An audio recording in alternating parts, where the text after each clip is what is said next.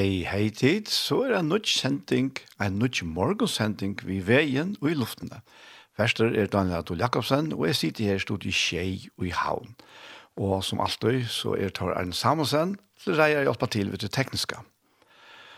Og skrann i morgen, som, så fer jeg som vant at uh, spiller noen sanger, og så fer jeg eisene, og her til i det fyrre parten av sendingene, så fer jeg eisene at lese og holde igjen ur Bibelen. Og i det settende parten av sendingen så får jeg lyst til en parten av Gjerstamal. Og Gjerstamal, det er en sending som er tidsen opp til Iktus og i Søldafyren. Og hesten parten hever eisen vil å se av Iktus Sjønvarp, og nå vil han så høyre her og i Kjei, Kristelig Kringvarp. Det er det, men... Eh, Og i morgen så færer vi til å legge fire vi høyre Ingolf av regne, sinja står er tøyn trofeste.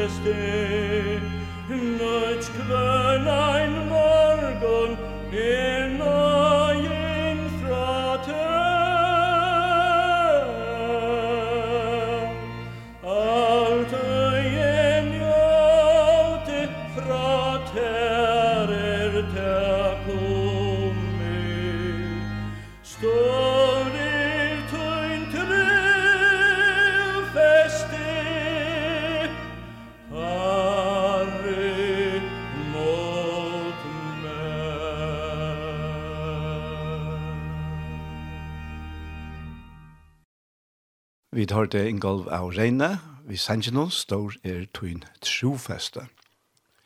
Og fra Ingolv så færer vi til Roland Utbult, og han synker «Gud er for oss».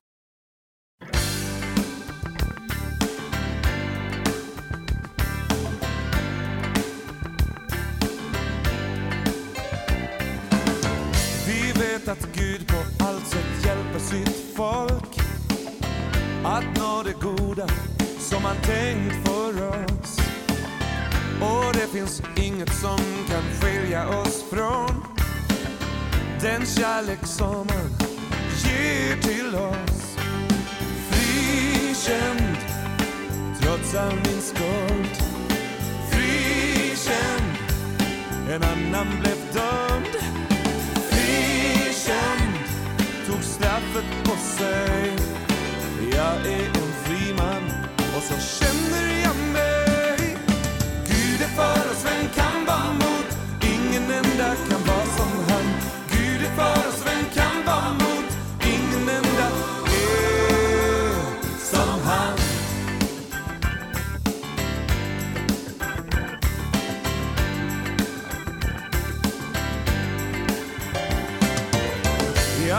står där på den anklagades plats.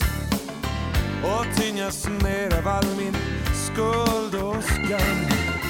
Jag skulle inte få förlåtelse någonstans Om det inte vore för att Jesus fanns. Jag är frikänd Trots all min skuld. Frikänd. En annan blev dömd känd Tog straffet på sig. Jag är en fri man Och så känner jag mig Gud är för oss, vem kan vara mot. Ingen enda kan vara som han. Gud är för oss, vem kan vara mot. Ingen enda kan vara som han.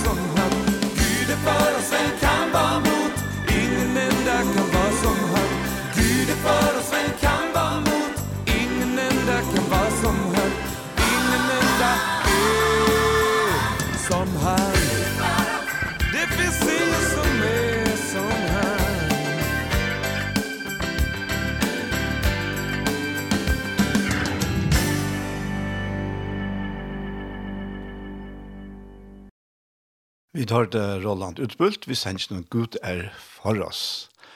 Og ta god er vi og kong, for kan ta vera og i måte jokken, til det som Paulus spyr i Rombraun 8. Vi tferder emigrant, og han synker This is my father's world.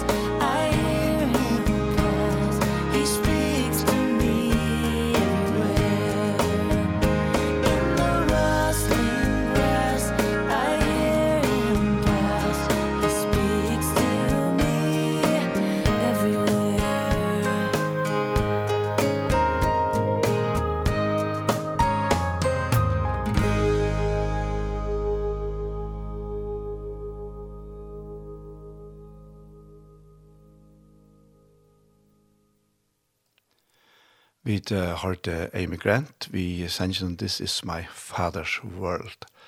Og her som sangren han er tøytter til uh, forrest og til Anfinder Settberg som hever tøytten. Og jeg skal få lese hese her tøyngene her.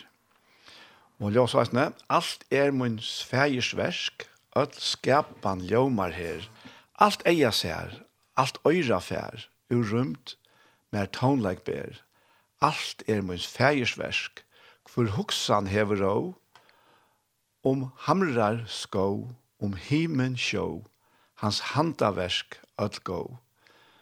Og anna vers sier, Alt er minns fægisversk, kvart fuglaljå om ong, kvör sjaljoveit og solenheit, ber gode takkarsong. Alt er minns fægisversk, mer byrstast salen frui, om grøna vødl, om brøttefjødl, han talar ötlån ui. Og tre og sista verset sier, Alt er mons fægers versk, ta gløyme aldri menn, om um hoas rengt, størst tidsist mengt, god öllum valdar enn, alt er mons fægers versk, alt strui ta enda vil, Jesus som vann, han borst vilst vann, ta høyra honom til. En sera verksjank, kan man sier, og vel av emigrant, eisne. Og fra Emigrant så færer vi til uh, Lise Fridsberg, og hun synger sangen Verdur. Musikk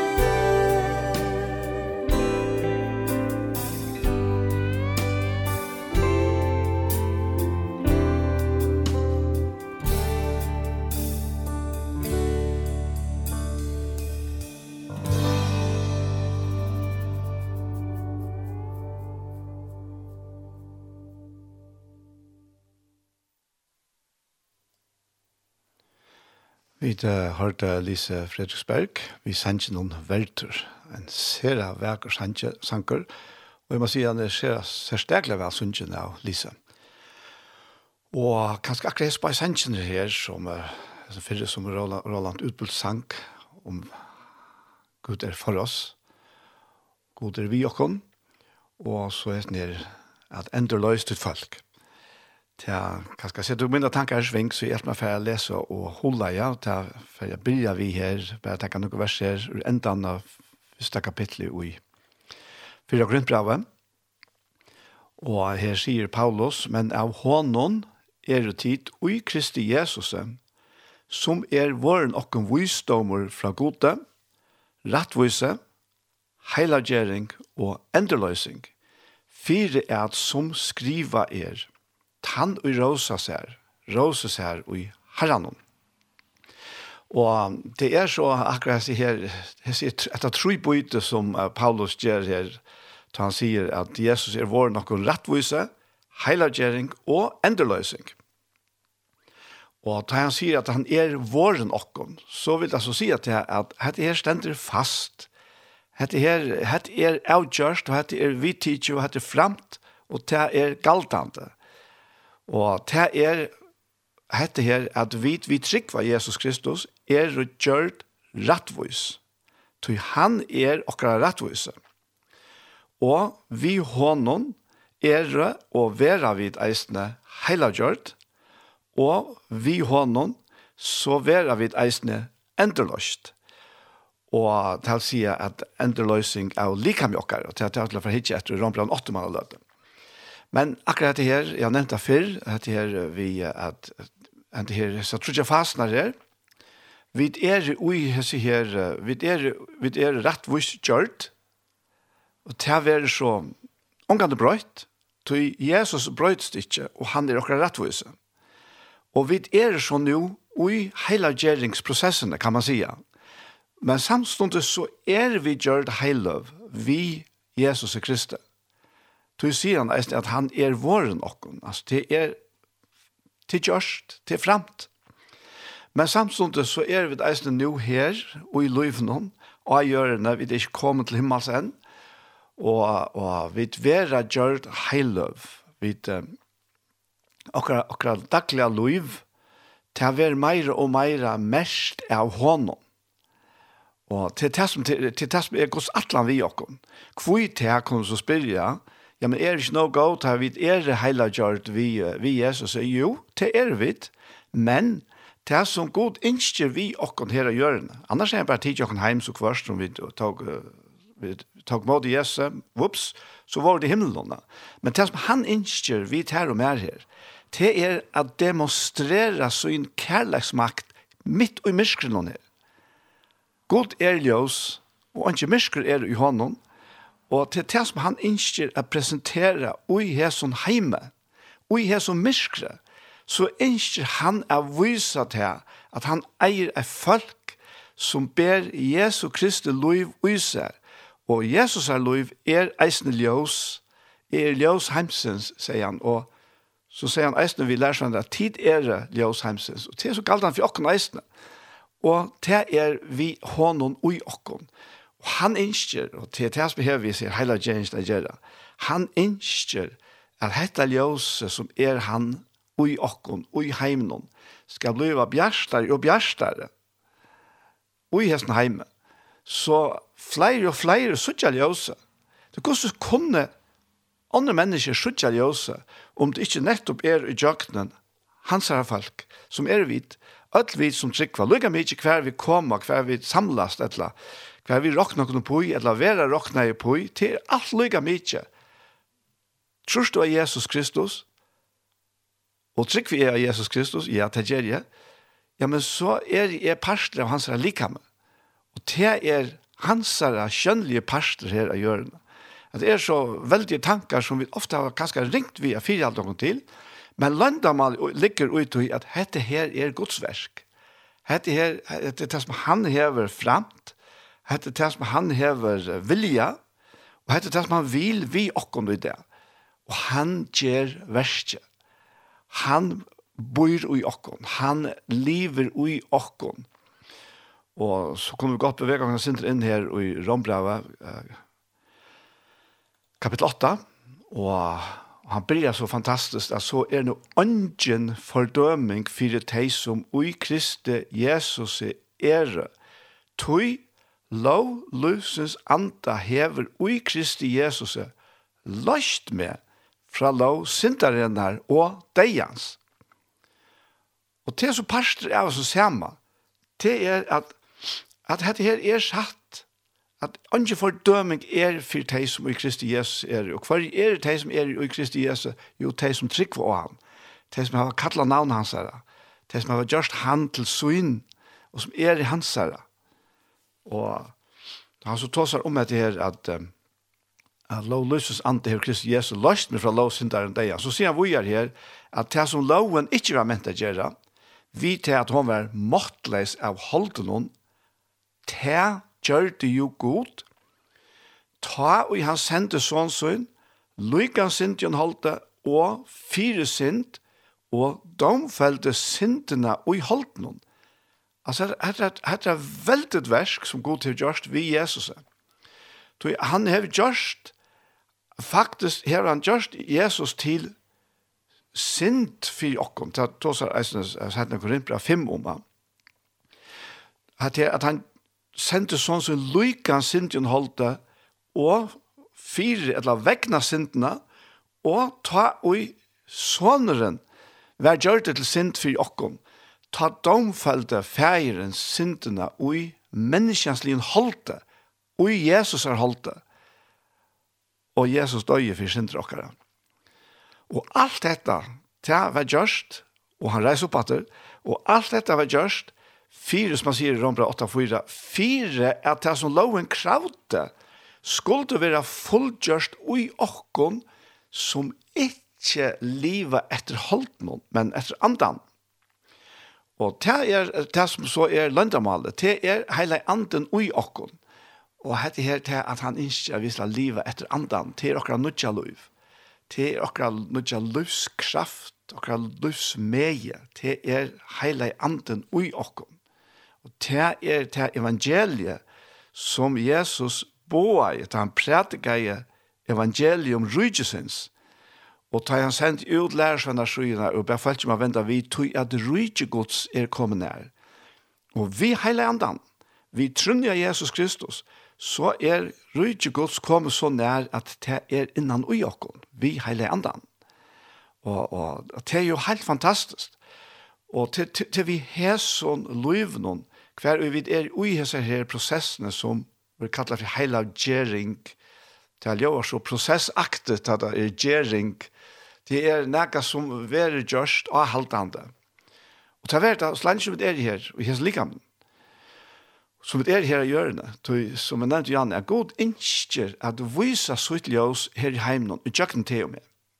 Det er vi heilige andan og Jakob. Og det er vaks det beste, og det eneste rette vi gjør, det er at livet etter andan. Og det kommer han øyla nekv inn og i hesten her kapitlen der, Og han forklarer om at det her at at det som holder ikke åken troer etter, det er futjenskapet mot det god. Det klarer ikke å gjøre seg inn under logos. Det klarer seg ikke. Og, og så sier han her at, at er noe Kristus uttikken, så er vi ikke likam det. Det gjør synden. Men anden er lov. Det gjør rettvusen. Og det er vers 20. Og det er en fantastisk stærfesting. At er no Kristus uttekken, så er vårt lika med det, tætje synden. Men anden er lov, tætje rettvusen. Og det som han så sier i neste vers, er faktisk det at selv om dette likam er det vekna syndene, så gjør anden til livande. Tøy han sier at bør nu ande hansara som reiste opp Jesus fra hinn og deg i så skal han som reiste opp Kristus fra hin og deie, gjøre eisne deielige likamtikkere livande, vi antas innom som uttekken bor. Og, og det hadde jeg, hadde jeg bare så, hadde så veltet. Og tog hadde jeg godt sversk. Og hadde jeg så størst at vi må hava hele andans hjelp til å skilje til året som vi er skrivet til dere. Og tog er hespe i tingene og løsle knyttet hver en øren, Guds år, Bibelen, og heile anden. Tøy, utan heile anden, så verer Bibelen en atterleden bok for jokken. Vi skiljer den ikke, vi kunne ikke fæte den, utan vi heilig anden. Og så kan man få alt mulig snedet på sjord. Og det er det som vi faktisk er som suttje, og her ser alt og At alt, alt mulig merskverdet kan komme på sjord på Bibelen. Og vi har imiske rørsler av snedjonslige sekter som vi Nei, man kjenner til kanskje her i akkurat landet, men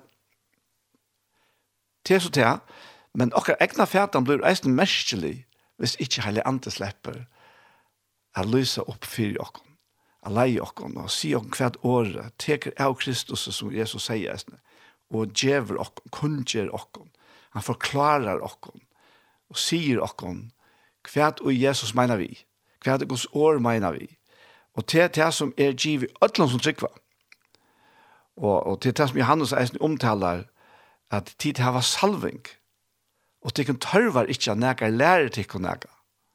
Tui til vidt alt. Og, og så, så er det ganske et år som vi, vi har undrast av, men eh, for min part, ikkje langer, tog jeg har skilt sammenhengen av at, ja, men, jeg veit ikkje alt om min høtte, og verre, verre enn så, men ein bor med som veit alt, og til en til salvingen som han tåsar om, han tåsar om salving, som mener vi heilig anda.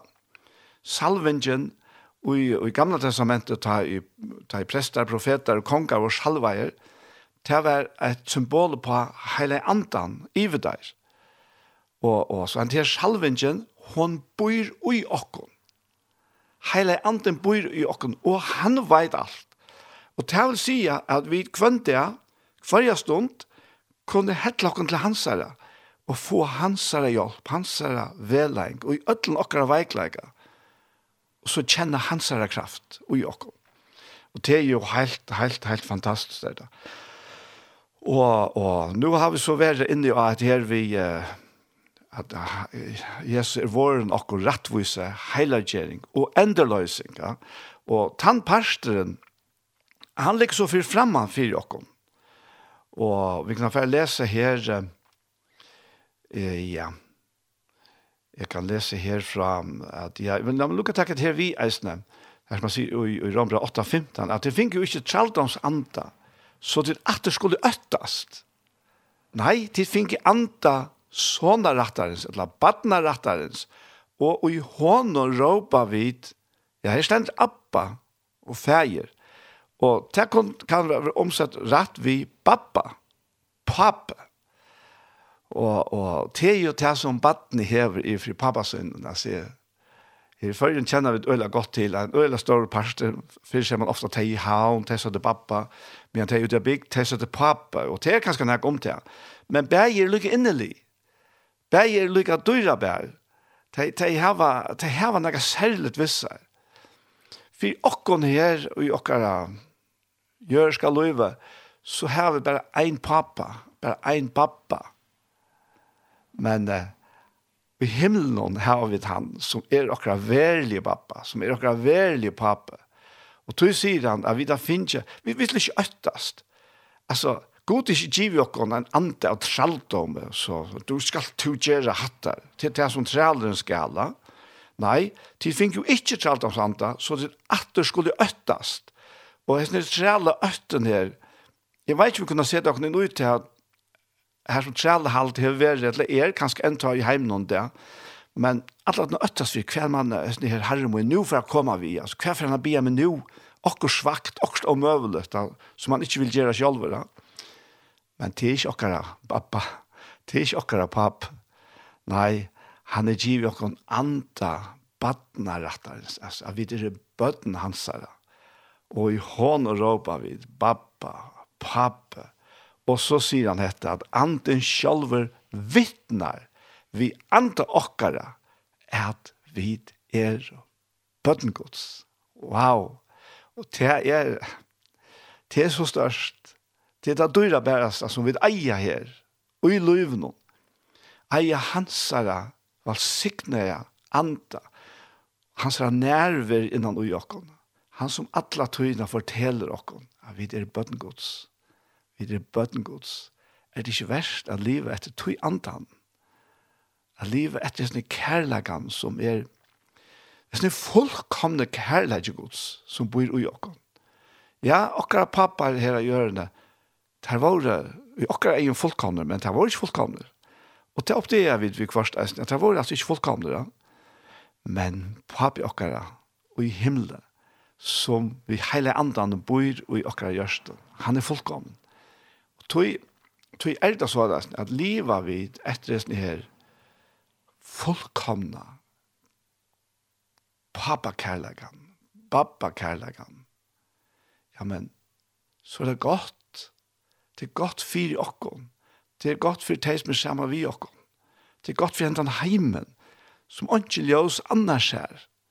Men det merker han kærlegan, Guds kærlega, tog jeg vidt livet og i Guds kærlegan ja, men så vera menneskene i heimen og valgsiktene, og til å være drien til eisene.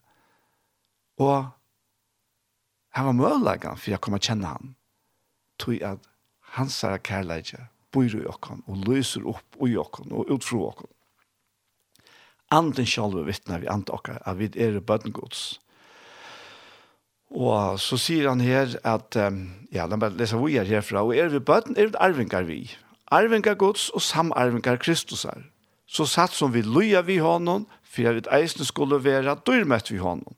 Tøy, sier Paulus, er råkne løyingene er tøyene som nå er ikke at hava tøya mot dyrtene, og skal være åpenbære åkom.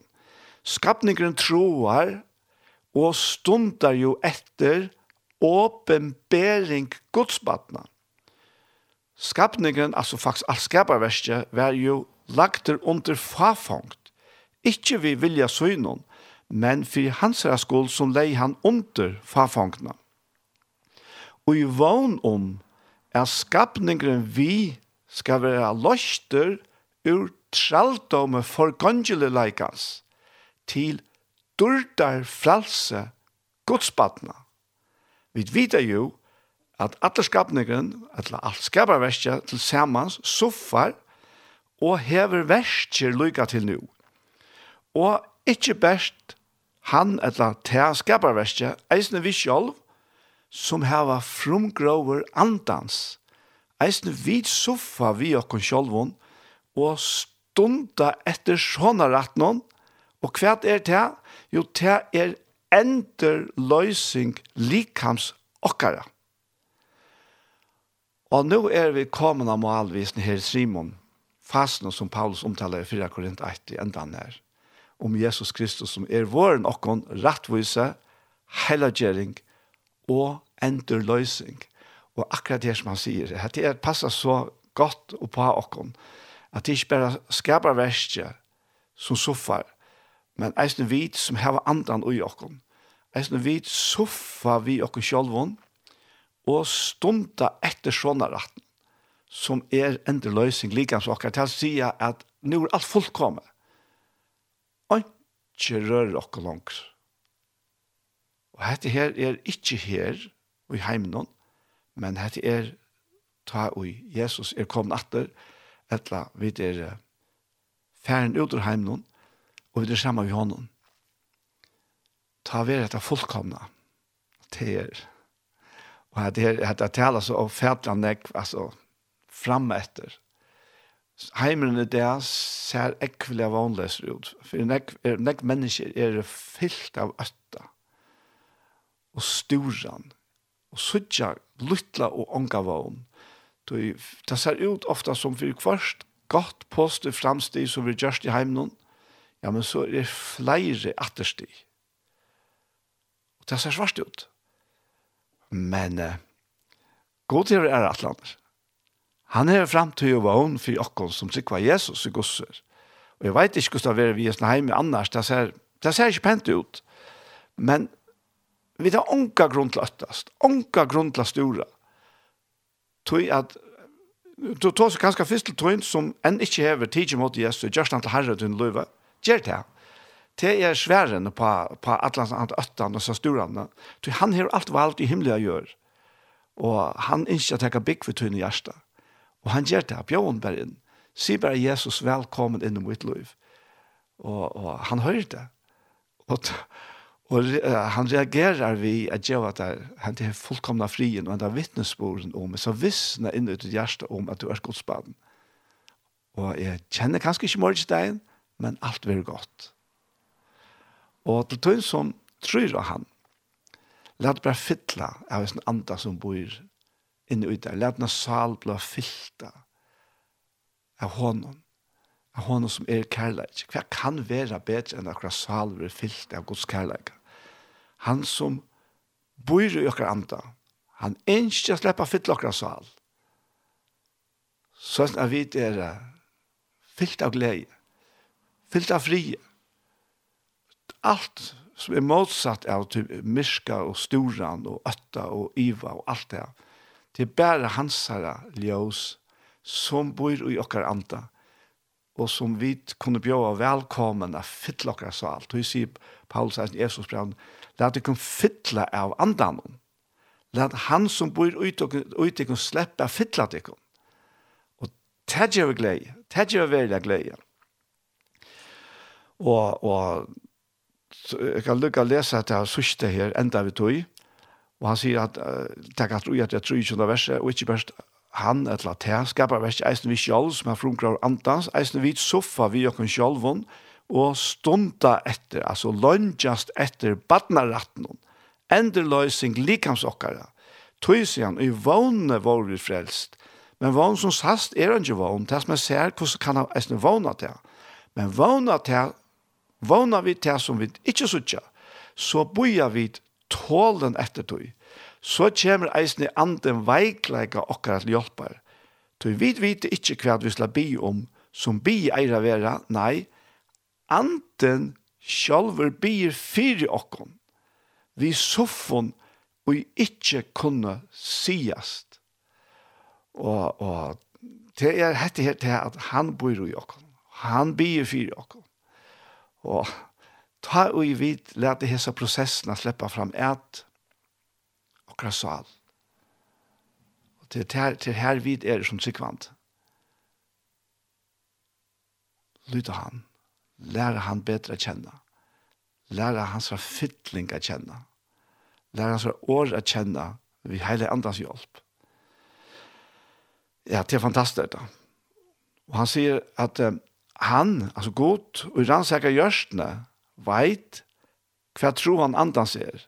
Det er sier god i himle, som rannsaker gjørstene, han veit hva troan andans som bor i jokken er. Tog etter vilja gods byr han fire hinn heiløve. Og Jakob sier på tammene at hesten andre som bor i jokken, han troar av heilon hoa. Altså, det er en, en troan mittel andan ui okkon og himmelen sjolvan. Og vi er pastor av Øtlenes nere. Og han sier at vi vita at alt samverskar taimon til gåa, som elskar god, taimon i etter rai, hansar er kattla, tog teis man framan undan kjente, til kili han eisen framan undan av vera gjørd, loik, mynd, sånna sjøns, så han kunde være hin frumborne mittel mengar brøver. Teis man framan undan til kila je, kattla jeg vi, teis man kattla je, rattus gjørd han vi, og de som har rettvis gjør metti dør mette han vi. Hva skulle vi nå sige om dette? Er god vi okkom? Hvor kan ta vera og imot i okkom? Han som sparte ikke sin egna son, men gav han fyri okkom öll, hvordan skal han kunne anna enn gjev okkom alt vi hånden? Hvor skal bare klæve mot din utvalgte gods? God er han er rett og skjer. Hvor er han er fordømer? Kristus er han som deier er, ja, det er jo er, som er risen opp, som er vi høyre håndgods, og som eisene bier fyri okkom. Hvor skal skilje okkom fra kærlega Kristus her? Trangt, enkjest, Ertsøkn? hunker, nætjenleikje, vante, etla svør, som skriver er, for tøyna skuld vera vi dripen atlan dagen, vi er rokna som skorseier. Nei, ui ötlun heson meir enn sikra vid vi honon, ui elska i okk. Altså som er det alt det her, evangeliet andar av kærleika. Tui er vysrøy, sier han vujere, at hver ikke deg eller lov, hver ikke enkla eller herradømme, Kvørst det som nu er, etla det som koma skal, etla makter, kvørst det hua, hit djupa, etla neka anna u skapter, skal få skilt okkon fra kærleika gods ui Kriste Jesus, Herre okkara. Amen. Og jeg får bare sige, bless you. God sikning at det er, at det er bare så størst, at det, og at det er året er til okkara. Vi eier öll lodgjøs ned, hvert einast, to som høyre med, to eier lodgjøs ned, gjør det til til lot om du ikke gjørst og æren. Takk imot det sånn, og du skal bare virkelig kjenne det, at det som fyrir var teori, og læresetningar oppi sin høtta, det er blitt livande liv uten innere menneska, uten i hjertet. Amen. Og nå får jeg spille en sang som kanskje lenge siden jeg har spalt, og kanskje er en appellsanger, som er kanskje kjølt å spille i etter noe, en sånn bibeltøyma, kan man si.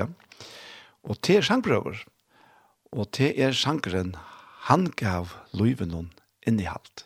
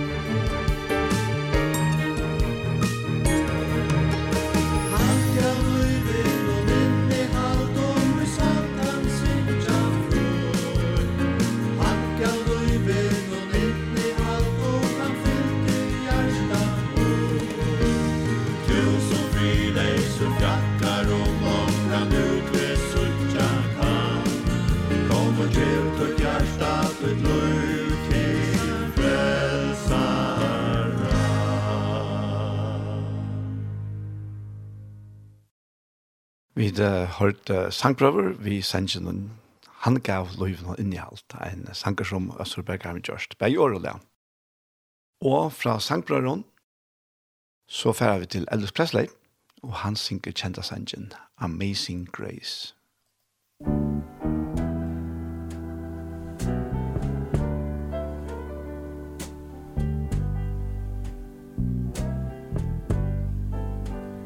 Oh.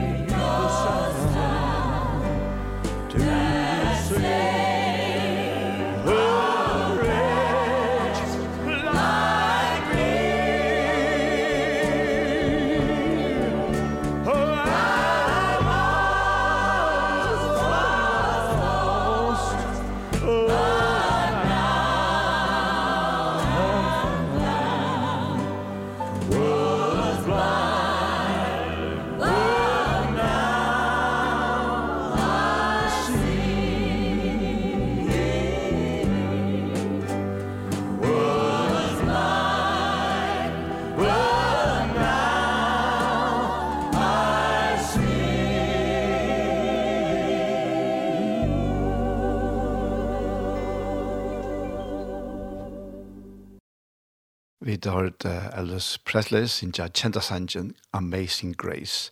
Og hesten sangren han er tuttet til først til hava beie Victor Danielsen og Sækar Sækariasen. Gjørst, og uh, Tanja Sækars er den mest kjente alltid. Og um, han, uh, det var John Newton som hever Irstan. Han levde fra 1625 til 1806. Og faktisk er hesten sangren en vittnesbord fra John Newton tog jeg. John Newton var alt anna etter Guds beste bøtten i synar tog. Han var herrender, trælhandlare, kipare og selte og selte træler ur Afrika til Amerika. Og var øyelig herrender og bonsker. Men eh, så kom Nain inn. Og han ble frelster. Han ble eh, fullkomlig ombrøyter. Og levde til han nødja løyve. Fra til løte han har møtt Jesus. Og så har han är henne her sangen her, som som ja, som säger som er nok vittnesbord hans her, om sitt egna liv. Og han sier her, og om sig inte säkert, "Och nøye ruik og dyra bær, og i frelste, med evrak ta vilstur e og blindur vær, God myskre borstur jag. At øttast nøyen lærer meg, men frykten flutja må. Hvor skjøt vær nøyen fyrste er, og i trunne Jesus sa. Og tredje verset, og i snerron og av vanda ved, men trykker her til, ta nøyen vær og ledde med, og heim med leiavil. Og fjord og sørste verset sier, ta prøys vi sunnje heva her, og i himmelen, tusen år, ta skal ta tidsja sunt av er, vi byrja og i jar. Wow. Ja, og etter han, etter sangren om han som er hin og medelige nøyen. Og vi tverra nå i enda hans fyrre personen av sendingsene at høyre sangprøver vi sier til takk. Musikk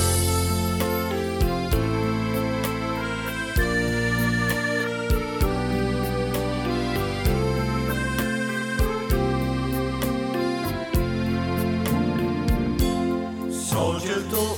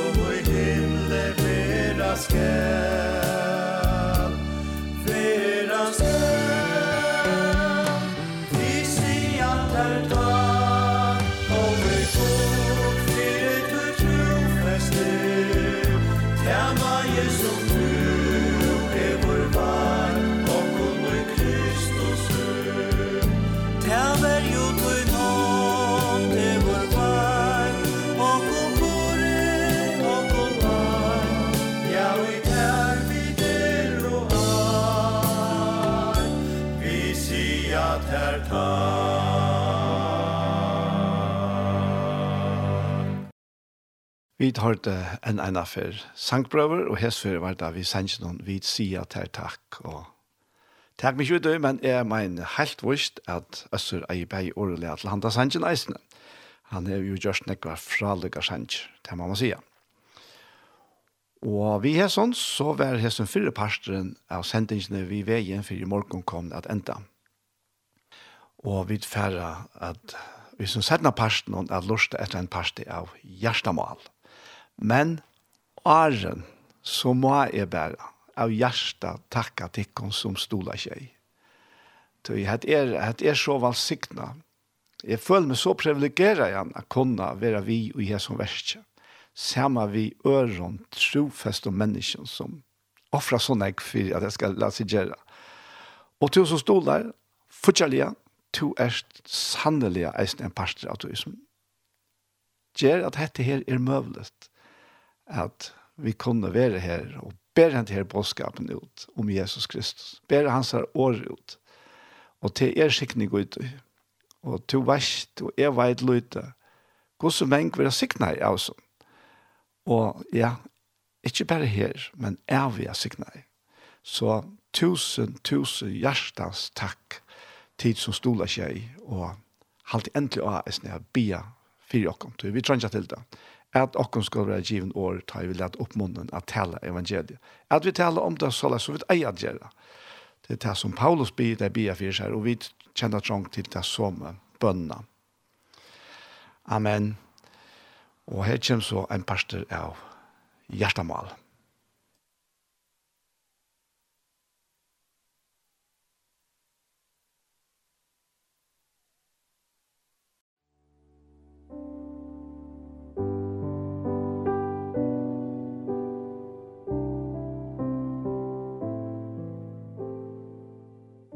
Hei, hei tid, så er det atter her ved en og nødgjøn parste av Gjerstamal. Og vi er det som vant, Anja Hansen som tek seg av å ta opp og redigere, og Ronny Pettersson han tek seg av til som vil jo gjøre, og så er det Paul Fære og jeg selv Daniel Adol Jakobsen. Og ja, Gjerstamal, så er først blir jeg Paul, hva ligger til å gjøre det? Ja, det er ikke så lenge siden vi tar seg om Filippe Breve, ja av kjentor, og, og det er fyra vers i kapitel 3 som alt er, det er brevet kom fram firme. Og det er fra vers 1 og i kapitel 3. Men det som var mer vinninger, er vi er for kryssars skuld, rakna for tap. Ja, sannelig rakna alt for tap, møte tog som er så mange mer verst, at kjenne Kristus Jesus herre møyden for hver skulle jeg miste alt. Og jeg råkne det for skatt, for at jeg kan vinne Kristus. Og vi har funnet i hånden, ikke ved rettvis og mine, henne som er loven i er, men ved rettvisene som er vi trygg av Kristus. Rettvisene fra gode som er grunnt av trygg. Så la skal komme kjenne han, og kraft opprøsner hans herre, og samfella lojen kansere, Vi til at det veri gjørder og løykor og i deg ansar. Det er det vers som jeg ble ved å komme fram for meg og mm. Og jeg kan ikke si at jeg, at, at jeg, jeg kan enda, selv om jeg kan knyta det til det som stender her, i samme kapittel om, hvordan Paulus sier det, men jeg, jeg har på en måte ofte vært glæver for fire at det er at det gløymer, Då är att det kommer ofta vel vi at det kan nok skällt henta, og så og så hevet du låt och jankron i tøy, Men så glömmer du det som var rettan for för. Och rätta det som fremme for det. Du du først han ikke gjørst vet här som var missat eller ikke vel gjørst, eller ikke vel sagt. og gjennom sløykom for det, ja. Det er det som jeg har gjort sånn. Akkurat, ja. Ja at det her, um, her er en øyelig oppgjør han hever vid det gamle løyve her. Ja. Det, han gjør fullkomlig opp for det. Og nå er det bare at han ikke løyve som, som uh, teler for Paulus. Ja. Men uh, at det her som to nevner her, um, jeg kom bare til å tankar om uh, det var samband vi utrått og i bollspillet, ja. Og jeg har alltid at det var sagt i samband med fotboll, og det er så lukka mye kvar, men jeg kan ikke seile fotboll, man, man legger mest til det. At uh, ta og i et li hever uh, øyla gåa møvlaga til a kjøda mål, kanskje et uh, frysparsk, øyla gåa støve. Og, og man tek kiksar. Ta, ta fyrir altså ikke i måla. Og, og jeg vet om det her, så er veldig galdan særlig fyrir, man ser det ikke langer, men så kunne menn stand og begynna tog jeg til kikkseia, og i stedet fire, at nå er det lært til at glemme at beina veien, og være vi i spillene, Så annars för måste lia och, och utnyttja det här till att män stannar på innan.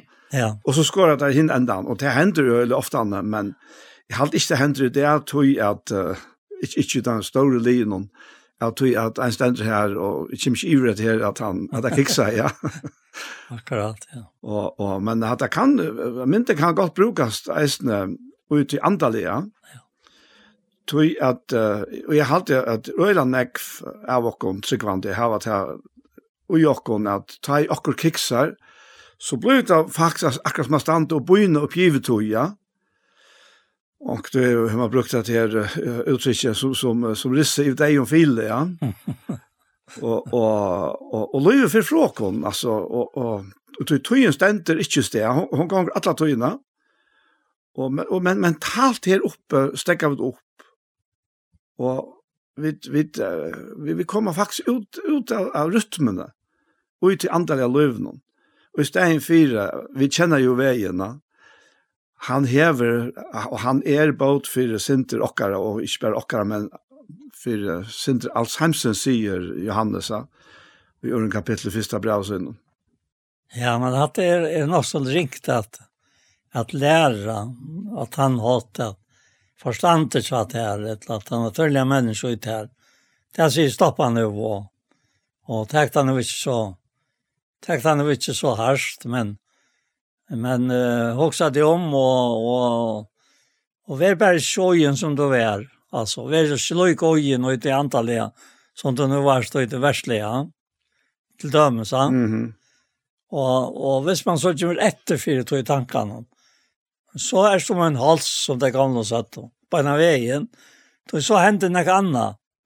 Och, og vad ska du göra nå? Det så är det löjve och alla. Att det händer ting att det tog Det kan være for jeg kan selv vidt hava det, og det kan være jeg kan hoksan, det kan også være til at vi viser at vi kan eh, brøkton, eller hva man skal si, åttan å si noe. Men så også sier vi det, akkurat møgne går møgne til annan, eller hva vi henter jo, og det var ikke helt ut at man gjør det til. Ja. Akkurat. Så, så er så nekve, nekve kategorier og jeg snær som som kunde fänka det av vänorna. Ja, ja.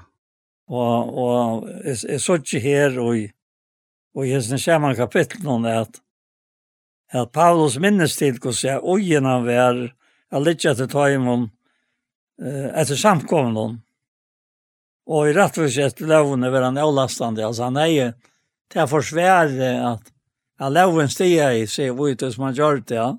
Så Det var jo ikke noe som hej vi god att göra, det var allt falskt. Det som är vi Jesus att göra. Ja. Så så levde han. Ja, helt han och Guds. Ett Messias.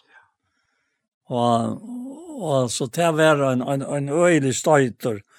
Ta han knappliga. Plötsligt nere där vi vägen till Damaskus. Och har det så röttna säga Saul Saul kvis öst det att mer. Och Og hvor er du, Herre? Og er det Jesus han som tog, så er det alt han. Altså, at dette ble en sorg. En brøyting, så er det brottlig brøyting, ja. At her var enten eller, tja honom. Ja, ja, ja, det er, er, altså, han er alvorlig, blir vakter opptatt, ja. ta og Jesus åpenbærer seg fire henne. Ja.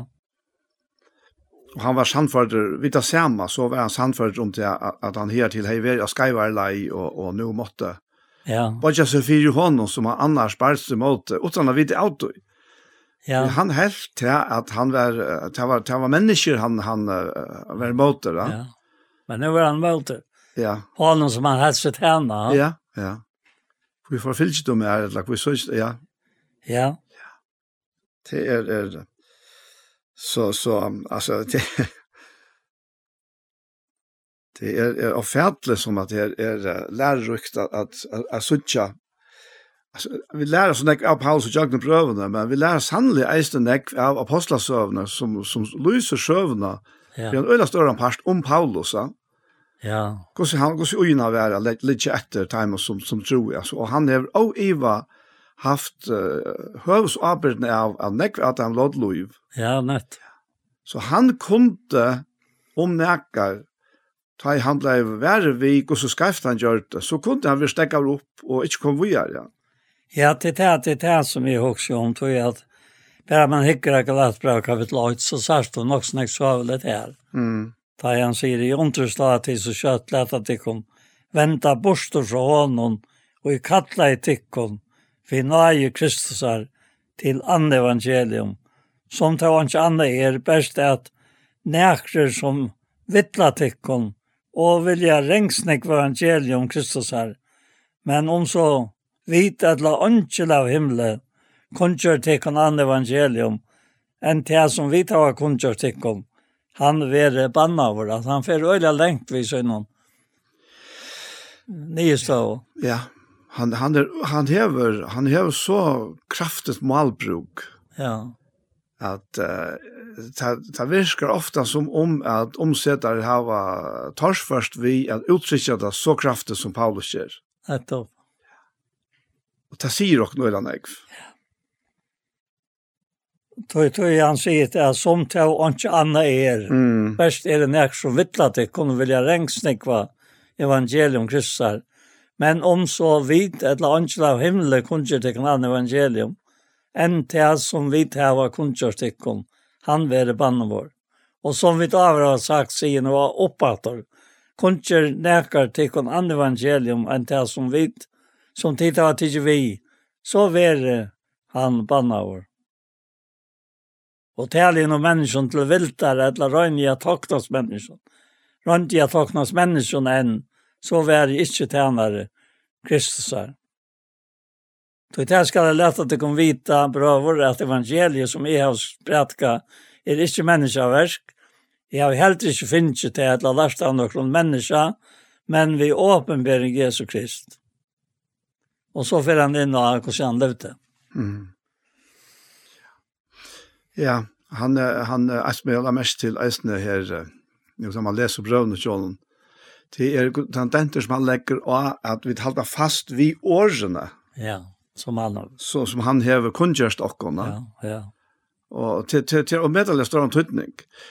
Og til han sier okkon altså eisen til at år heva øyla større tydning. Ja, til han føler vi alltid til vi får skøyver hvordan hvordan oppi heilet er at leipa fram av i årene. Ja. Alt det at du kan hoksa, og det er nevne hva løytøy. Men så for jeg bruker år øysene, det er øylet, der man har opp, opplevd det. Ja. Og, og, og det, det er, om ikke jeg tøytninger mye at, at man, man, det er det samme evangeliet som vi tar. Ja, ja, ja. Det, det er jo også om, va? Ja. Att, att, att, at evangeliet är öjer och en höjt alltså. Det han, han tar om ett her och nu i Sötan Korintbrev här og, och i kapittel 4 där han säger att han tar om det tjänas och vet av avspegla Lordgodsa och ut och jag vet avspegla han vi har pratat om til samme mynd från dår til dår som fra herren er ante. Och det är nøylig öjlig og och i her som här ser antalet tjänasna som han säger vid häva og som vi gjør, vi har avspeklet Kristus, ja? og så får han å si til at David av hese tjenest, som vi sa det ikke møt. Og sannelig kan man ikke missa møt i at hun. Men, men, men så, så kommer han inn at, at vi, vi missa tog ikke møt Og så sier han, hva du gjør til? Han sier, du vi da sagt noen leiser fra en skamlig løgnegutt. Vi handfærer ikke ork og så ærlige. Og vi, vi, vi, kom ikke vi svitje, eller vi vi svitje ångan, som høyrer et evangelia, så vi tog god til sannår av det.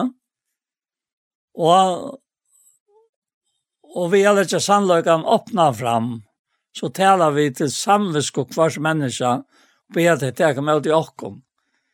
Jeg mener, undrast i hvert hatt uttrykket her. Men, men är har så angant du funnet nærkran at jeg ikke møtte Jesse, og jeg noen til som är av bara fram om han, eller och i hans sted, som jeg ikke ikke møtte meg her først. Og det setter dette her, dette her inn i mynten att att tacka at inte ikke møtte til her, vegna han troskap til visar herran om, och evangelien om, ja, så er det vanskelig at att här at, att vinna närkram for, for Jesus Ja. Mm. Ja. Og, og så er det grunden her for at, at jeg ikke tar emot i och och där kan være även ska lösa Man må jo også si at, jeg, at for jeg kunne takke måter fra omkron, ja. faktisk lukke mye hva det er, så må man hava allit og vikommand. Ja. Og, og jeg hadde vi nevnt en annen dag, nesten til omkring det så ring som akkurat nå i som døvån, hver og i ja, til etter år som vera sendt av sted iver imska millara og som uh, av, av, ja, faktisk av brottsmånen vera brukt til å lumpa einfald mennesker, etla, men ja, det er en lumpa, etla, men det er, er de som er, er gåværen som, som vera lumpa, ja, og, og, og akta hese årene som, som var sendt av månene. Ja. Og, og det er jo forferdelig, da. Ja Og ofta så, så kommer en sånn skepsis inn, og vi, vi eier jo eisen heva en gåa sunna porsjon av skepsis, ja. tui, tui, som man sier, en avværing som er sagt i samband med nedsvindel og så hvert, ja. det er at er det nekka som ljåa for godt å være satt, da, så skal det eisen gjenge ut fra at det er for godt, det, det passer ikke, ja Tog jeg til å komme så øyla nekv tilbå, altså hadde just, kanskje så sørste 20-25 årene nå, ta, ta, bryr vi som så kallet Nigeria-mailen og alle hver, och och og onkel onker hei arve okkerst i Afrika som, som måste släppa av pengarna der, og tog vart utvalt till det, och jag vet om onkerne forrige eisen som häver hoppa på det, ja. och fan lukkes med ettertog, men, men du bet ikke lige når han fortsatt lige Og jeg, jeg minns et øyla vel en kvann kom inn til åkken først. Jeg, jeg var ikke da først, for jeg hørte om etter. Og han finnes et her mail her, og leste fire okken, og, og, og spurte hva vi til det. Og jeg hadde jeg svære i beina min akkurat at her. Nei, hadde jeg lov, altså, for godt la være sannhet, så jeg har ikke tro, altså. Og, og det var ikke, det er nek det jeg var ferdig, så var det så, eller nek som jeg finnes det samme. Men til etter år, og tega vid måter åren, hvis vi ikke lytter av en person. Det, det, er, det er faktisk vanligst, da. Og som jeg sier, det er skepsis og breis og så eisen i til at andalige. Du, evangeliet er virkelig så godt at det er utrolig, men det er sagt. Og tog jeg alltid Paulus eis legger den da, så dømes her i, i, i 4 Korinth 15. Og her sier han så kvært og hette her evangeliet er som ikke er mannaverska, Han sier, jeg setter fram fire tikkun prøver evangeliet, som jeg kun gjør det tikkun, som til eisen tog og vi, som til eisen standa ui, som tid eisen vera frelste vi, og så sier han, så satt som tid halda fast vi årene, og jeg kun gjør det tikkun til ui, annars tro tid til åndkjes. Og her har vi så ganske den øvete problemstillingen, vil jeg si, det på tammadan, det er det at man, man har finnet noe som er så godt, men man tar ikke at trykva det, eller vil ikke trykva det, og så får man ikke gagn av det. Og det er, at det kommer til evangeliet og det andalige, det er det øyelig ofte det som hender, at mennesker faktisk nøyder seg selv til at de, ja, nei, nei, jeg, jeg trykker ikke ordentlig her sånn, og at det kan ikke være sånn, ja. Men det som Guds år forteller dere om evangeliet, Det kan du lytte. Ja, det passar väl til det som uh, han säger här sjättne i Galatbrann och att det er god til lykke i vers 15 som er med löj vi har ju tids mig ut som kallar mig vid nöje söjne att åpenbära sån söjn og i mer för att jeg skulle kunna evangelium han vet den höjtingarna spurte vi vidt av samme så allt och blod og ross For helt ikke nian til Jerusalem till torra som onta mer vår apostlar. Når vi förbostade Arabia och kom så åter till Damaskus. Alltså, jeg ser uttrycken her, ta i gode i, som ur møver løyvi hei tidsi vi ut. At det største uttrykk. Ja. Og som kattler meg vi nage søgne, er at åpenbæra sånnsyn og i mer. Fyrir at jeg skulle kunne til evangelium han med løytingene, spurte jeg vidt at samme ikke holdt og ble til oss. Nei, det er, det er så akkurat det. Ja, altså at det er så sterk år, men eh, jeg kan godt si bort fram mine vekna at jeg trykker vi har sånn åren oppe av meg selv. Mm. Altså, jeg, jeg har vi haft en avmätlig glede av att tillägna mig till Til dem som Paulus sier om seg selv og hesen bråtna. Gode løyka er, som er med over løyve tidsi meg ut og som kallar over reisen, at åpenbæra sånn som nu mer. For at jeg skulle kunne kunna evangelium han med her. Og jeg har ikke spurt hur hållt och blåter oss om jeg skulle ta ett litt. Nei, akkurat. Men jeg har ikke nekvar när med å stå fra allt og blev. Om om jeg gjør det særlig at jeg till mennesker som ikke halter til at man man skal tänka sånn ekko på yta. Men men til anna enten eller hetta vi att trycka eller ikke trycka. Ja. Anna kvar så stå og vi trönner först och ätgång til alt. Så vi trygg tryck fäta at, att Heimer skapt av Jorgos og så framvegis. Og det er alt som ikke sast at det kjønnelige er her, altså som vi sørger da. Mm. Men, men det, det var ikke fisk. Hitt var fisk, god var fisk, og gjøtlerne, henne er jo god. Og så lærte han dette her, henta som er hen. Og jeg er en atlan, vet du, halvt nye i minste, minste låten her, som til at jeg som smadranker skulle sørge etter at det var han som jeg tyckte mig om och det var han som kallade mig. Och det som var han yngste, eller det som han ville. Inte bara yngste, men ville och fick och lära och så framvis. Och, och till øyla öjliga stärska året här, alltså om seg selv, No? og ett värre kunne vi säga, Paulus säger de säger, men att det har er altså, så är det bare. Ja, ja. Ja, ja, jeg må, jeg må så bare si akkurat det samme. Ja. Uh, Kjalt om uh, jeg sannsynligvis for uh, en, en, en Jonas er for har vært utenom, utenom etter her, men jeg kjente helt fra baden, ja. Jeg kjente her, Bibelen, hon, hon, hun hovedtog med, altså, for at jeg dødte å lese, ja. og, og i min banslighet, barnslighet, og, og, og vitenhet, så helt jeg at jeg kunne være en av dem som får skrive vi i Bibelen. Men jeg vil ta meg så ble sin større, så fann man det, han var alt li å skrive. og jeg kjente langt som baden eisen det her, det her, altså, beundringen av fire, bestemt noen taler, så ble det også andre slående. Ja. Det var, det var en, en, en, en, en beundring i meg som var mer enn bare en beundring, som eisene var nækka som innan i meg sier at du først er gjerne det samme. Mm. Du først eisene at tale. Og det er løye at, at det kan være så men det er så eisene. Og at det er faktisk det som Paulus omtaler her. Og jeg, jeg hører til å si det, og, det er sikkert flere som kunne si det samme, men det er ikke nek som sier det. Nei, det er at... at uh, Kanskje tror jeg til jo at man har forstått tanker om seg selv. Og så tror vil man si at det. Ja, men, men det er tanker gods om oss. Ja, det er akkurat det. Altså, det, det er... Det er ikke det at, at vi ikke at god skal si at de om er. Men uh, Paulus sier det fire at det kallar fram. Han han sier i 17. Tomatsbrot 2 at for at trofast som mannen til henter som atter i før, for jeg lærer annor, og så framveis, ja. Og til det samme, at vi tar finnes ikke lite opp i henter fra gode til hans er vekkene. Lukas vel som Paulus vekta lite opp i henter. Så det skulle jeg snakke med over til, for at evangeliet skulle nå ut til høytningene. Og det var omøvelig at det kom til å fortsette hvis ikke høytningene tok og vitt. Og det er vidt. Ja.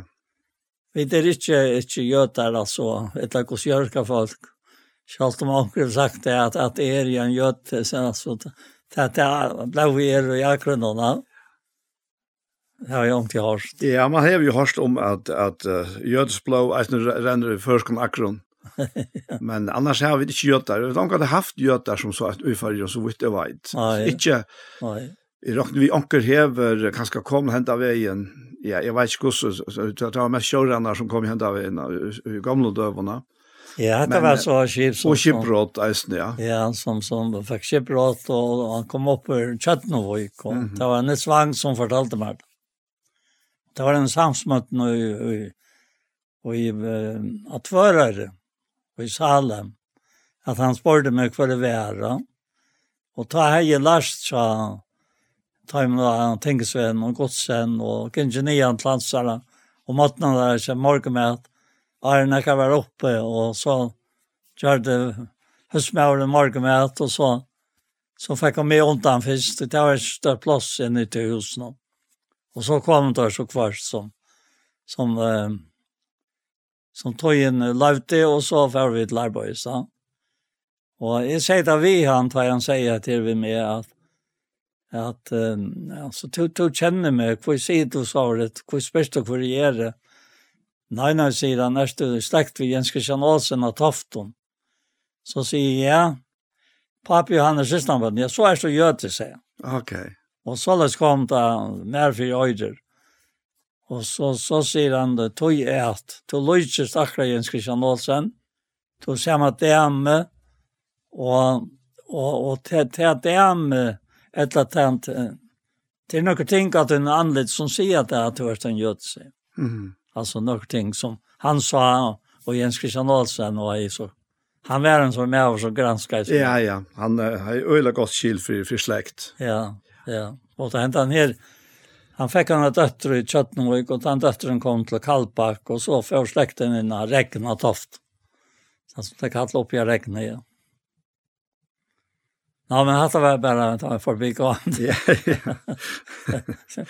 Att det här...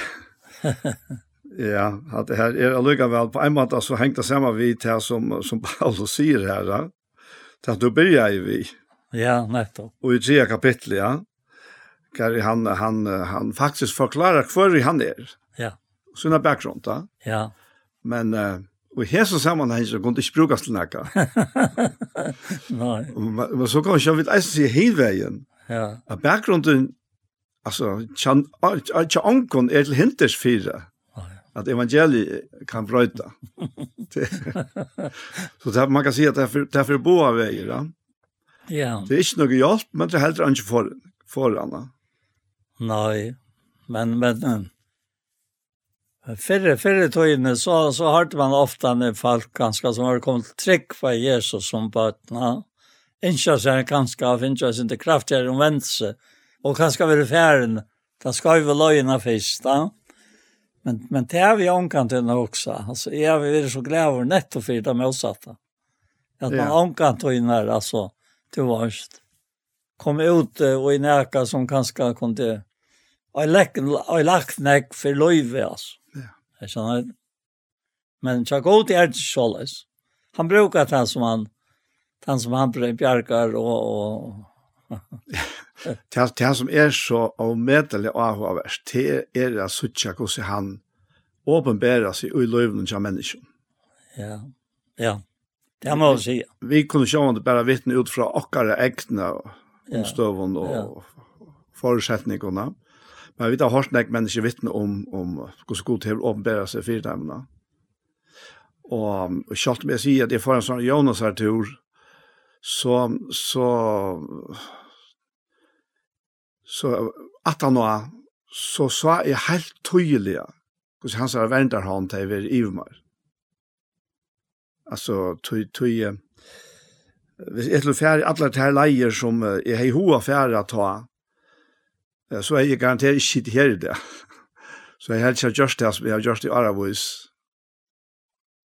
Det er blivet noe helt annet. Og så det er alltid jeg røylig avhåverst å suttja at, at god han, han faktisk han, han beiner okkon alai, altså sjalt, da jeg vet ikke tilvita i omta. Det er alltid jeg er en øyla kraftig vittnesbord, tror jeg at, at Okra vanliga fætan er jo til at vi må søtja og leita og, og, og, og komme nær inn til hans herre. Og jeg sjåan at det er alt det er godt da. Men han er ikke avhengig av det. Og det ser man, altså, det er jeg så øyla tydelig vi Paulus. Ja, og det her, og i Galatbrand høyt. Ja. At uh, 17. tror jeg er vers 18, tror jag rätt, för ni till Jerusalem att lära Kefas att kännas till Petra. Ja. Och stäcka i honom 15 dagar. Men av hinna aposteln sa är onka Bers Jakob, brören, bror herran så, sa är. Och så, så, skriver så skriver han, det som är här skriver ut, det som är här skriver till tickaren för jag som Guds vittne är att det är likvidigt. Och så färdas han vidare alltså. Alltså han, han brukar uttryck som inte är vanliga bruka. Att för jag är som Guds och är likvidist. Ja. Alltså han teker god till vittne om det som han. Akkurat, ja.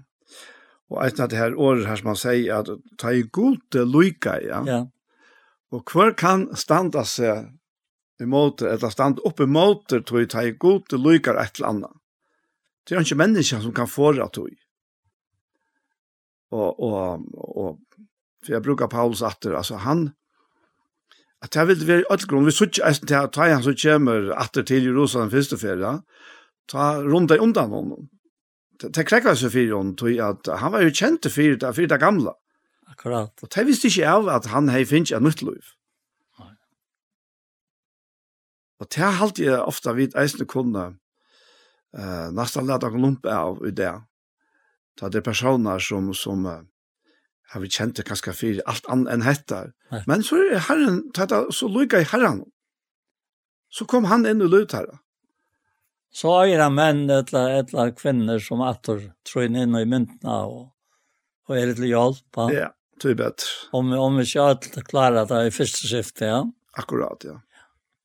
Og så er det nok vi godt samkommet og godt spørsmål, altså. Det er, det er näck som man är först sett ikke klarer, men så som tøyen løyer, och det är det som Herren lätt stå fram och och som han leter för hese fram alltså så jag ser man till att dette er är ju Guds verk.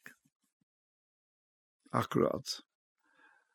Och själva blev vakter som jag har sagt för långt jag är av av mannen som som vi visste lutade ett ikke hette løyve, ja. og så knappelig. Så helt knappelig, så var det mye mennesker, ja. Og til å tale i øyla størst til min. Det gjør det virkelig når jeg vimmer, jeg sutja, sutja det, ja. Og, og det er så akkurat det her, man kan si at vittnesbordet ikke er god, Guds vittnesbord er at han brøyde mennesker. Tøy, tøy, Uh, vi har vi hava til alt øyla øyla gott altså at vi imska imska skipaner som som hjálpa människor vi at uh, vi er venjing av forskjellige slag og og ta ter det er det alt møvlet altså psykologer er jeg skal ikke hva gjørne men altså Ungen er okkon tåsa i om a færdel salarfrøying for fjörd år siden, ja. Ungen, jeg kjente ongan, og hvis det var nekkar, så, så var man stempla, altså om onkel folk salafrøk, så, så, så på tammat som man fyrir det, pura naturligt, så helt man det hemmelig, hvis det skulle være, ja. Men møvla ikke mer sjående kjær, det, det hadde jeg nok så nytt fyrbrykt i fargjona. Og alt godt om det, altså, ikke eit øvut år nek av tog, ja. Men uh, hette her som, vi, som Paulus talar om, hette her er nekka nekv, nekv meira, jøkken og grupand, ja. Tui at jeg fer atter om alt og brøyde menneska. Og gjør det nøyt. Fullt og helt. Fullt og helt, ja. ja. Altså det, det er et fullkommen versk. Det er fullkommen versk, altså. Det er, ja, det, det er så fætlet at, at, uh, men det er virkelig. Men det, det er nok øysten så løs at, at, uh, den naturlige menneska har øyelig ilt vi er gavtaka var fullkommen versk. Ja. Blott ja. et naturlig menneske människa har livet sitt lov, og vet hur så fullkommen det er. Og blott så brøytes det er totalt in, innvendig fra. Ja. Og nu vil øyne det naturlige menneske slippe å bestemme. Og i det som det er først for å bestemme. Akkurat. Men, men det er ikke å släppa att. Nei, altså, det så er det att det här att det bara för enkelt av oss som kan stämma for seg själva, Ja, Ja, du. Vi kunne ikke råa i øron, Vi har bare en person att roa i. Rätt. Og han roar sig gång över om vi tycker kvart. Ja. jeg husker bare, jeg lukket, det kom tankene om att heta framme i halt i tjej systervika. Och och Hebreerbrevet någon. Och och her sier han, uh, sier, til er sier alvorsåren, han bare takker det vi her eisene, det er øyelig alvorlig, Ja. Uh, til er byrjan av øren kapitlet, han, han sier her, tog må vi så mye meir akte etter tog som vi da har hørst, så vi rek ikkje borste fra tog. Så stod året fast som taler var i enklund, så hver bråte avlutene fikk oppebørende lønsyna. Hvordan skulle vi ta sleppa undan om vi skøyte ikkje om så stora frelse, som jo først var kunngjørt vi herranon, og så gjerne stedfest okken av teimen i høyt i Horstan, og så hetta verset som vi huksa om. Vi til at god vittneie vi, bæje vi teknon, ontron og fjølbrøtt og kraftagjeron, og så hettar, og vi er djeva heilige andan etter vilja søgn. Og til alvor som han tåsar om her, til jeg kommer fram faktisk bæje og åren og atana tar vi det att jag är framme ta om om hur så stor Jesus är alltså så väldigt han är ja. Och han lägger öla klart och tydligt fram här i första kapitlet. Att han är fram ur, han är fram om allt annat. Angel angel kommer honom när. Så men hette her til at god vittnar vi at djeva heile andan etter vilja søgnen. Og det er, det er faktisk en verilig vittnesborene det det er heile anden ui okkom. Det er Guds vittnesbord. Han sier det i Rambran 8. At anden vittnar vi anda okkara at vi er bøndgods. Det er størst. Det er så avfærdelig størst. Og det, det er jo at han talsmauren som Kristus sendte at bygge vi okkom. Ja, altså utan at det var en verilegje, ja. så var så var ikke om evangeliet. Så var det ikke autoi. Men det tog er det folk kom. Ja. Ja. Ja. Tui tui er det folk kom, ja. at, at det blir en pastor av oss mennesker, vi heila andan. Hetta året kunngjør okkur evangeliet, og, og sier okkum fra hvordan Jesus virkar. Tui han får til himmels, og vær ikke verand her tja, tja, kvart lærer seg en, en minne tja okken øron, men han sier selv og Arna for, og han sier om talsmann at jeg kommer til tikkere. Og det er det som virkelig er hent. Og han som hever erfære til at Jesus er kommet, som vi sier av bøtten, inn og hjertet, veit bare hvis jeg selv at dette her er helt utenom det vanlige. Ja, da ser han som vi gjør fram her, sånn til les. Ja. Bra brand 2, ja. Hvis man leser bare her disse versene, så ser man ordentlig hvordan det får fram. Men det han sier vers nå han som stått av tog var gjør det lakre enn ånglander. Jesus, han så ikke vidt for til at han løyt egen, grunta mitt ord og høyer, så han har nøye god skal ha smakket egen, fire ødel. Tog det samt i hånden for hver skuld alt er til, og vi kvar jo alt er til. Da han førte mange bøttelår, da folk kom och oppas man frälst och torra vid lojengan. Lojengan tog bäget tann, och i halkar och de som halkar vera är og ødla och öjnum tog skammast han ikke vi har kallat vi har kallat det bra. Han säger ju, jag ska kunnkjöra bør om vojn och mitt i samkomne skal det prysa till her, og så framvis. Och så kommer han till att det här som som jeg ofte har vært opptatt ved. Vi tar bøttene har lot og blå i holdt, fikk også til han av samme lot i tog, for at han vid deg han skulle gjøre han til åndsje som er veldig deg hans, til djevelen, og gjøre alt deg frøy som har rasslet for deg han, vevro og i tralte om meg, atla lust og søgna. Atla lust og søgna. Ja. Altså, det er... Det hat er hat er hat her er vel eisen evangelie sett som man sier i i en nøtteskala. Tøy og han sier det øyla klart og tydelig her. Vi her at vi menneskebøttene hatte og heva lot og holdt i blåa. Vi er jo halt og blåa. Så måtte han. Han måtte fire at han kunde få antallet i bøtten på sjura så måtte han bliva holdt og blå sjálv. Og vi ja, tog er det vi bliva godsbøten, vi til at han bleiv menneske holdt og blå, og så fullførte verset allan veien i jøknen. Det er, um, det er, det er så størst, og, og jeg har bare hoa sida i samband vi at denne kapitlet byrjar så, øyelig alvarsamt, at du har unga grunn til å øttast. Langes du etter goda, så, så er det en, en øyelig god langsøl, og du kanst ikke gjøre noe skreft på tammaten. og jeg, jeg vet bare at det er så øyelig nek som jeg har, jeg finner ikke øst av å lese dette her, og kanskje andre ting etter ikke hebrea bra, men det tror jeg man ikke kanskje helt ser og skiler den store sammenhengen i hebrea bra. Men, men Jesus kom fire at han skulle bliva tidsne motor, og at vi, vi an teka motor honom, få lot og i ødelesen her underfotla som han her, her giv og sagt okkom. Ja, det er nettopp det som det er så versene sier. Ja. Vers 16 og 18. Etla 16, det er jo ikke ordentlig han tekster det av.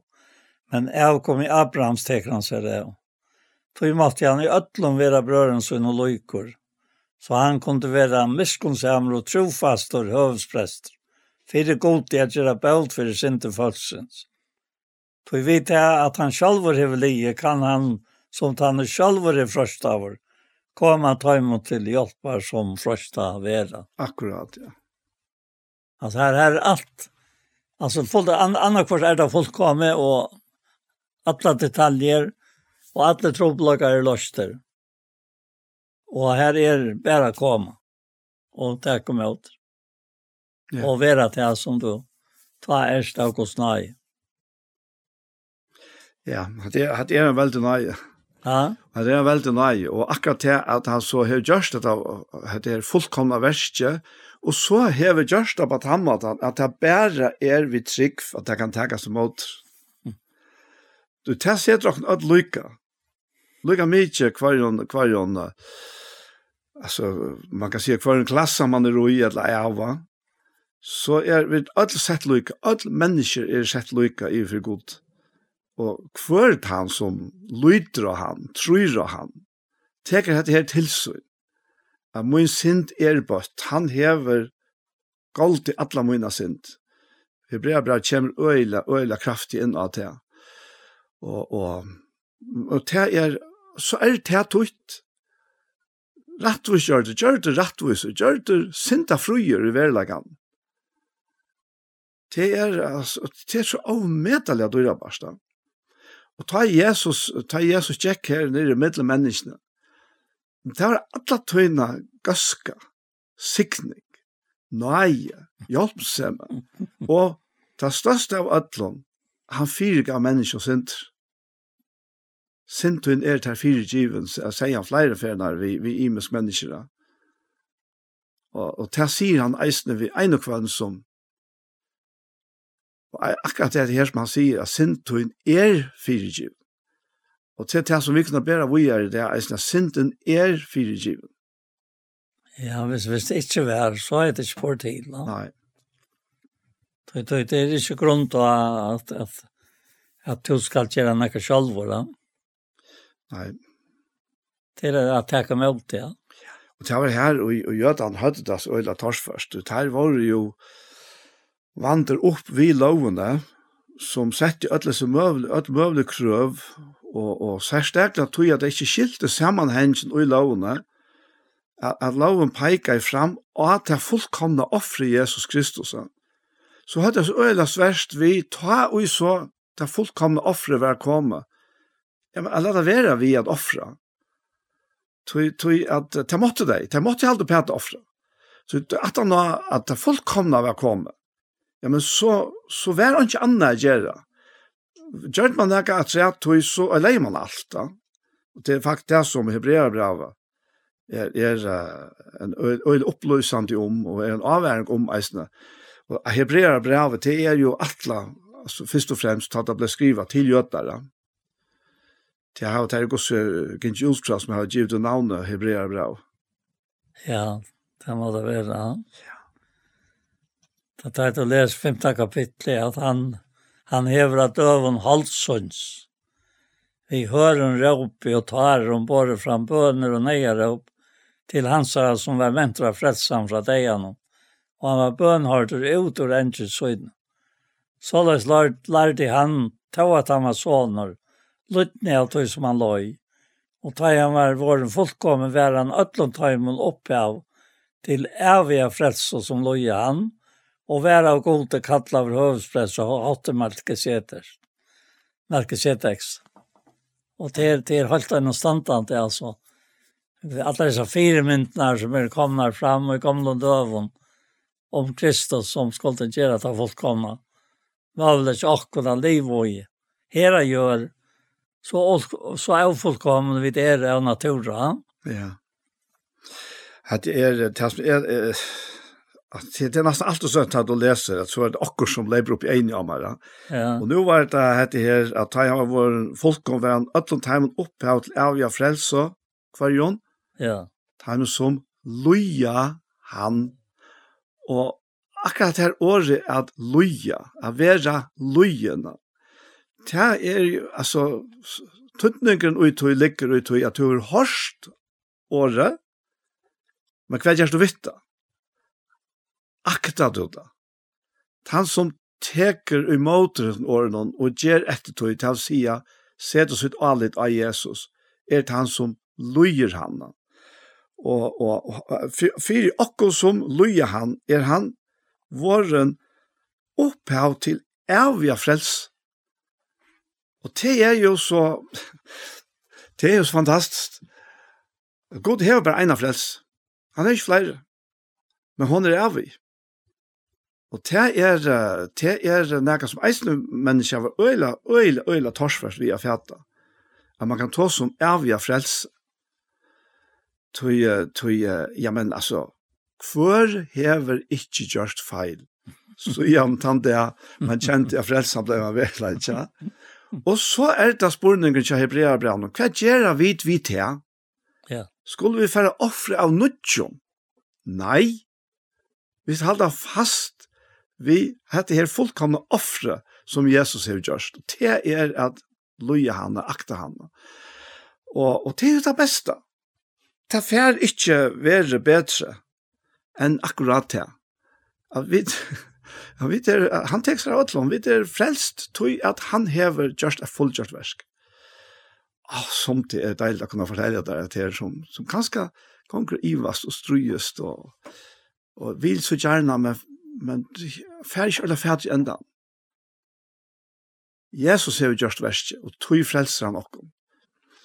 Vi utløser disse frelsene, kan du sige, som så hever, hever jeg kom tankar, jeg kom tankar om, jeg lukka tekka til vi i Estene, kom tankar om at vi var en tur i Øsland i 2008, vi var flere i familien, det har samband vi at Teter hei i Kiva, så da fløv vi ut, så får vi til en landstevne her, Tjakvitsson samkomne her, hver han så, jeg som skulle sinja, og, og vi selte fløvene her og sånt, Så bo vi av en bøybskola hver det var ferdig sommerferie, Og så sitter vi her og etter, og så kommer Einars nærming noen inn her, og, og da viser at av der som var sammen vi og kom, med kjensler av vedkommende til at han luktes pappa sin. Og først så tossa vi han, og spyr hentan her, hent her uh, unga mannen, til, og, og pappen, er han frelster? Så spyr han. så, så det er svært det har vi ofte hoksom. Så svär han, ja men han var ikke alltid igjen. så, så han så han uttrykk. Og, og det er faktisk verileisen om atlan heimen. Jeg god til å frelst atlan heimen, men heimeren, atlan heimeren var ikke alltid igjen. Og, og fyrt lykkes man utløysa disse her frelsene, så må hun tak, takkast imot det.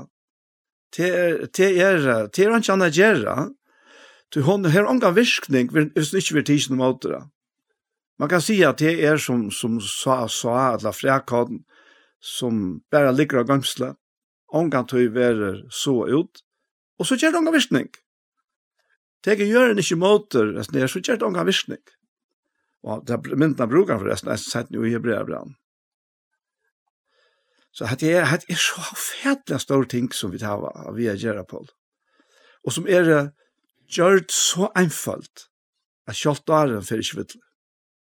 Altså fyrir tøyne ta høyte der ofta møter om våre slåpenene. Og, og, og og her var han sånn som gjør at alle mennene var jo lokalen. Og så var alle vidt til møte, ja. Så platt det Andreas uh, i Tonia fortelle om en mann som ikke ville trykke på han, ville ikke som tog sig utlösa frälserna mm. til till sån självarna. Då han ble ved hänkoj då jeg måtte gjøre også. Og, og det, det ble nok så nek motvinter, så han sette nok så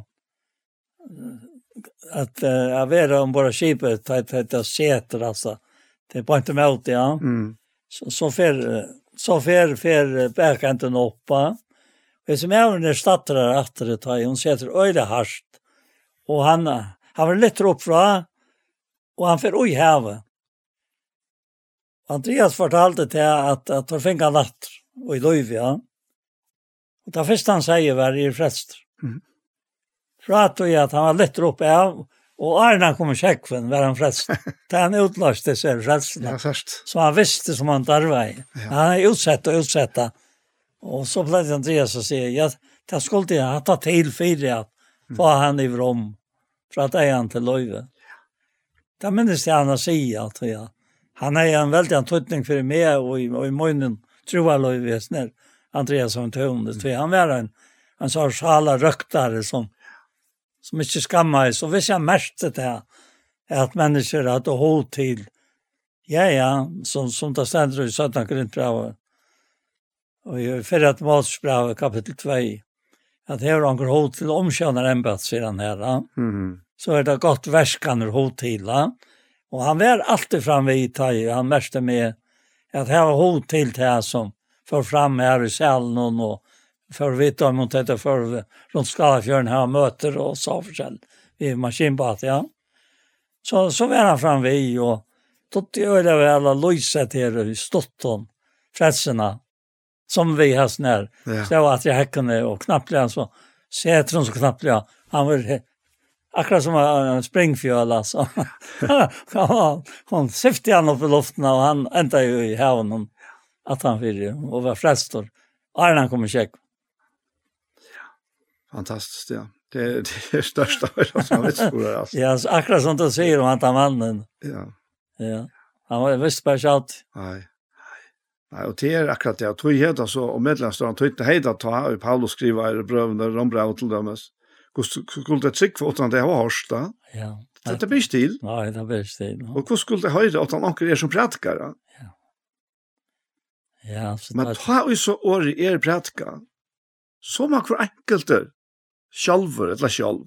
Ja. Tacka støve till det året som er prætkar. Ja, det sier uh, Høyleanten, altså, han, han er vrapert av det.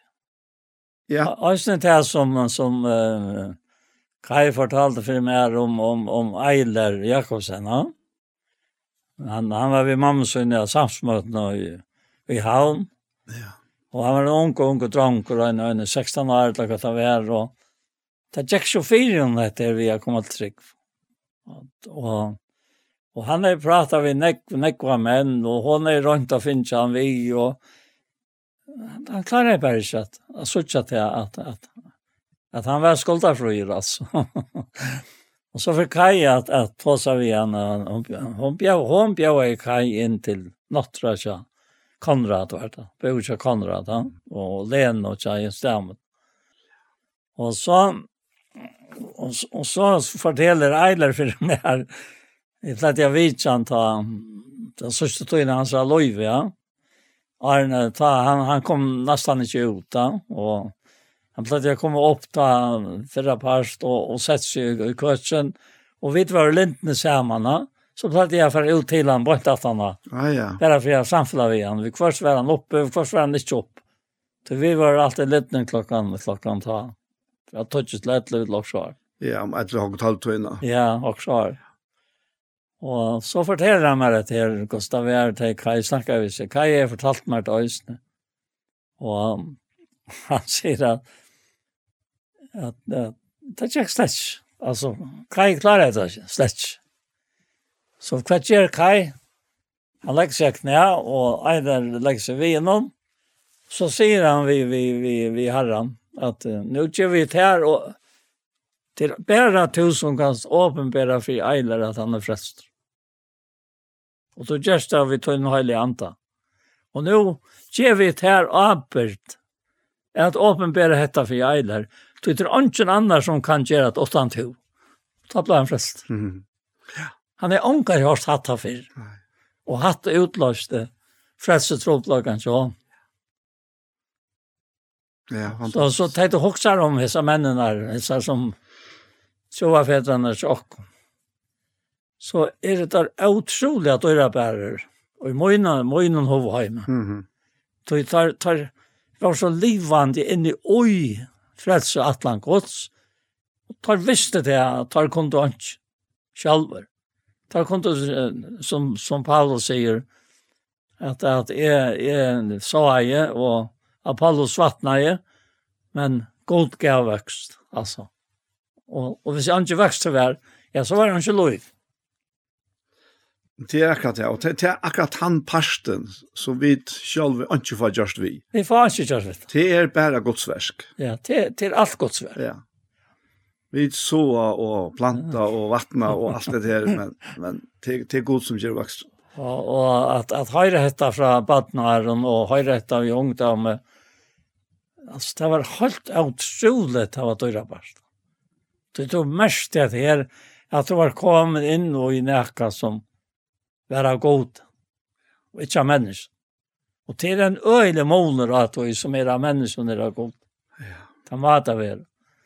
Tøy satte det i øyne alltid til jeg, vi begynte at eldast og sinter og halvvaksen. At det ser ikke noe fire at, at, at det var just det gode da de finner det en jente.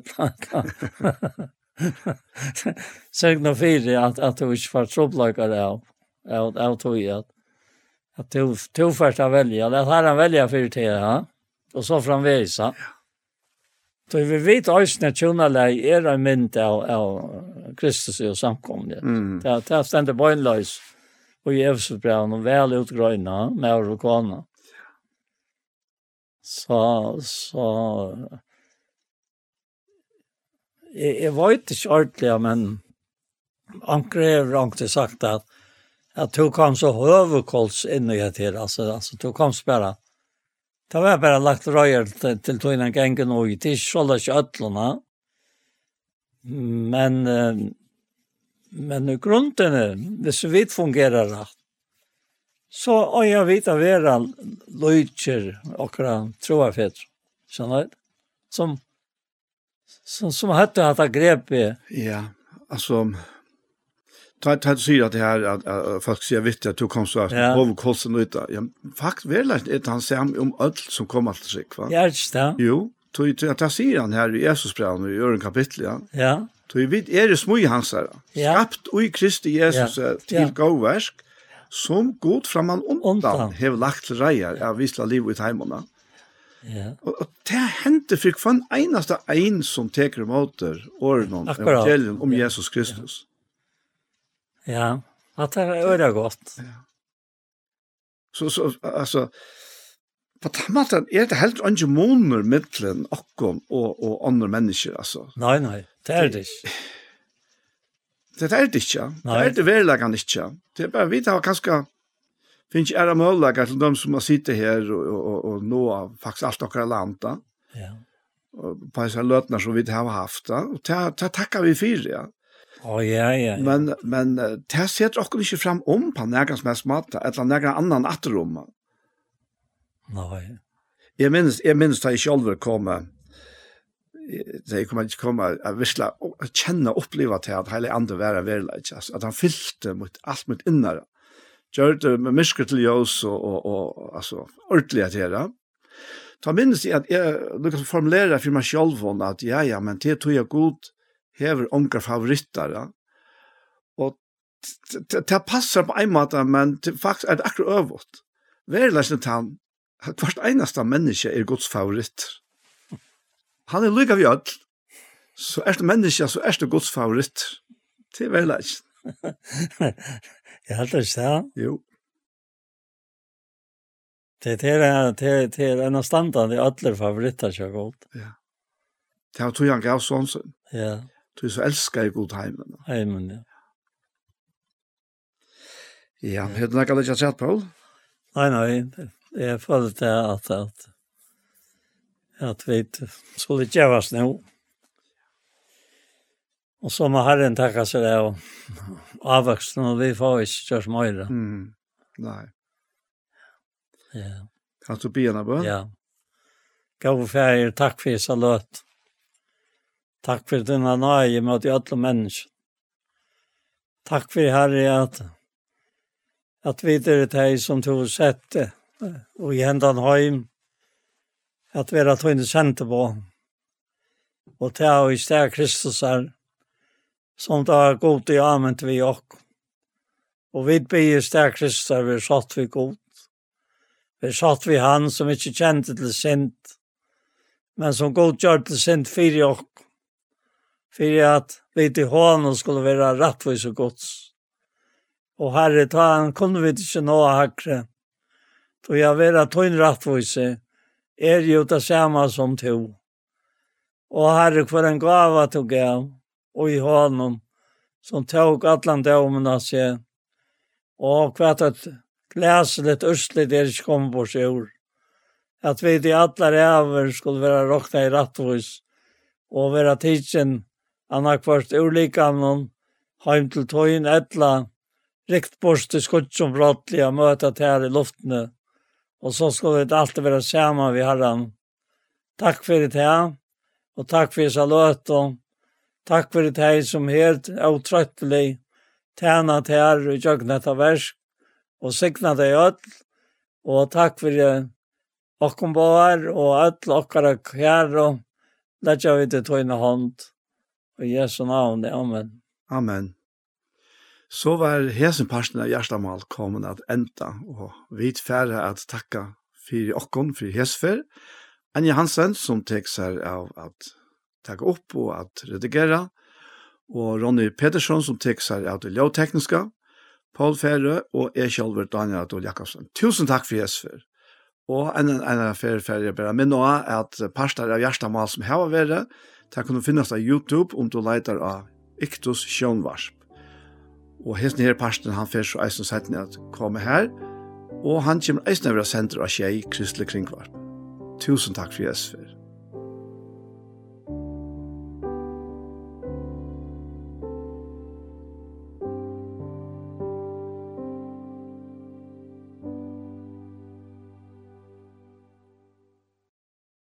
Og vi hesson så er sendingen vi veien for det kom at enda. Og vi har i tog fyrra personen så har vi spalt tonleik og så har vi esne lise og holeit og det har vært ut fra fyrra korint. Eit og Rombraunon kapittel 8. Og det har vært om uh, det som Paulus sier at, vi, at Jesus Kristus er våren okkon rettvise, heilagjering og enderløsing. Og, og i settene parten så har vi hørt en parste av Hjertamal, som er tidsen opp til Iktus og i Søltafire. Og som jeg har vært å se av Iktus Sjønvarp. Henda her sendingen, hon vera høyra atter og i kvöld, mykje kvöld, klokkan tjei, og atter i morgen arne klokkan fem. Så etter er best å sija, tusen takk for hestfer. Takk for so Hansen